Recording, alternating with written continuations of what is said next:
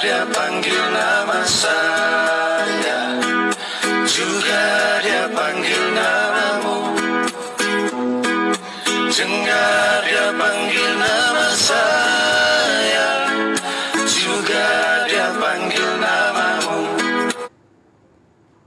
Shalom, tidak pernah bosan kita selalu mendengarkan kebenaran firman lewat radio podcast ini.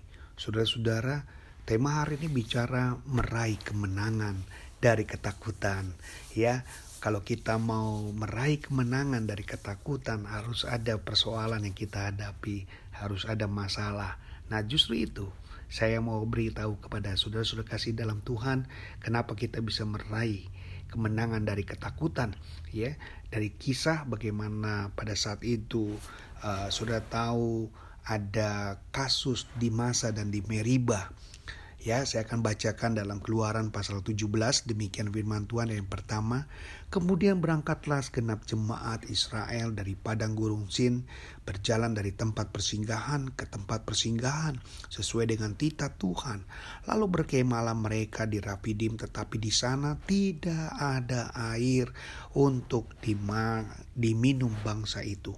Saudara-saudara, kita tahu di ayat kedua, ayat ketiga mereka bertengkar, mereka karena mereka haus, lalu Musa berseru ya untuk minta kepada Tuhan, untuk Tuhan turun tangan menyelesaikan setiap masalah ya. Dan di situ ada masa-masa yang kita alami orang-orang yang sudah mulai ribut mereka sudah mulai bertengkar. Lalu sudah lihat pada saat itu mereka juga harus berhadapan dengan bangsa Amalek.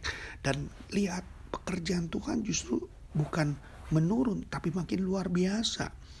Maka di sinilah dikatakan meraih kemenangan dari sebuah ketakutan. Maka pertempuran di Rafidim dan pertarungan Goliat dengan Daud ini memperkenalkan bahwa Yesus, bahwa Allah kita adalah Yahweh Nisi, ya Yahweh Sabot, di mana kita tahu dia adalah Panji dan Tuhan yang menjadi pemenang bagi semesta alam. Saudara-saudara yang kasih dalam Tuhan, Yahweh Nisi atau Yahweh Sabah adalah Tuhan yang telah menjadi penolong bagi saudara dan saya. Goliat dan Daud pada saat dia bertempur secara fisik memang tidak berbanding, tetapi karena Daud membawa nama Tuhan, dia berada dalam jaminan dan perlindungan dan dukungan Tuhan, maka Yahweh Sabah atau Yahweh Sabot memberikan kemenangan buat Raja Daud pada saat itu. Saya yakin sudah-sudah yang kasih dalam Tuhan, waktu hal-hal ini yang saudara harus pelajari kemenangan dari sebuah ketakutan.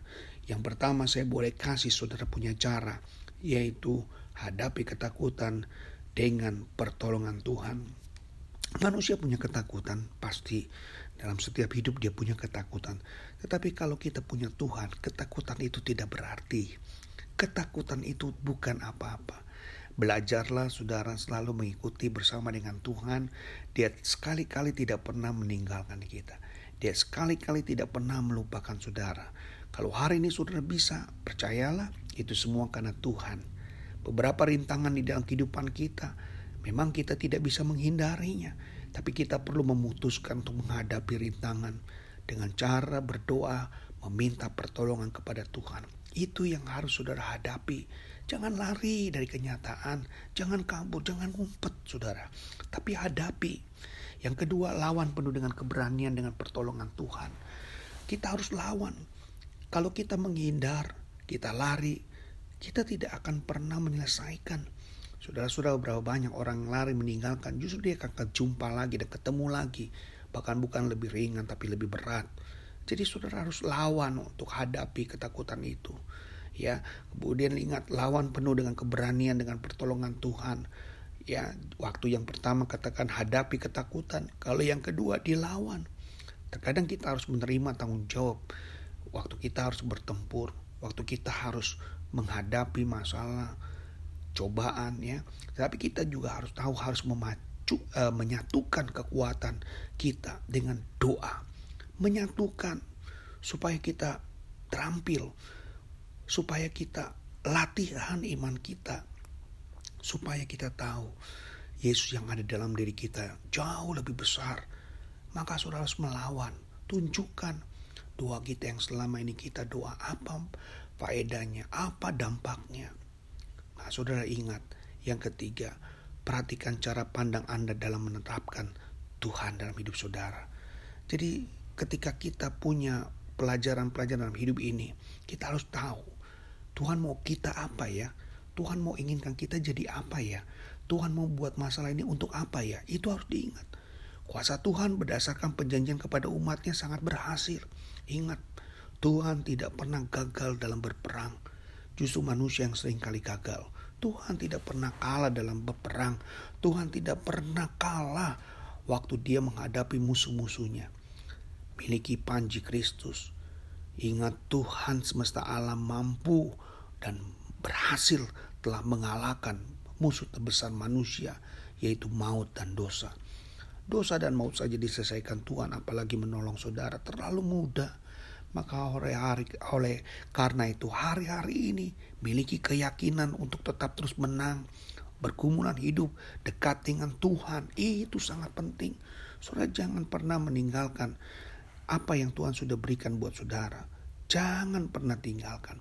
Terus bersama dengan Tuhan, terus bersama dengan Dia, karena dialah yang akan terus bersama mendampingi saudara dan berikan saudara kekuatan. Jangan pernah takut ya Jangan pernah saudara mengalah, tapi berikan segala sesuatu yang terbaik. Supaya apa? Supaya hidupmu akan dapat perlindungan Tuhan yang lebih besar lagi. Saya percaya kalau saudara sudah menjadikan Kristus menjadi bagian hidup saudara, maka kemenangan-kemenangan waktu sudah dapatkan dari sebuah ketakutan akan lebih jauh-jauh lebih bahagia jauh untuk lebih dibanggakan. Dan inilah yang menjadi kerinduan saya untuk saudara diberkati Tuhan dan senantiasa dalam pengiringan Tuhan dan berlimpah-limpah janji dia buat saudara dan saya. Haleluya, Tuhan Yesus memberkati. Shalom.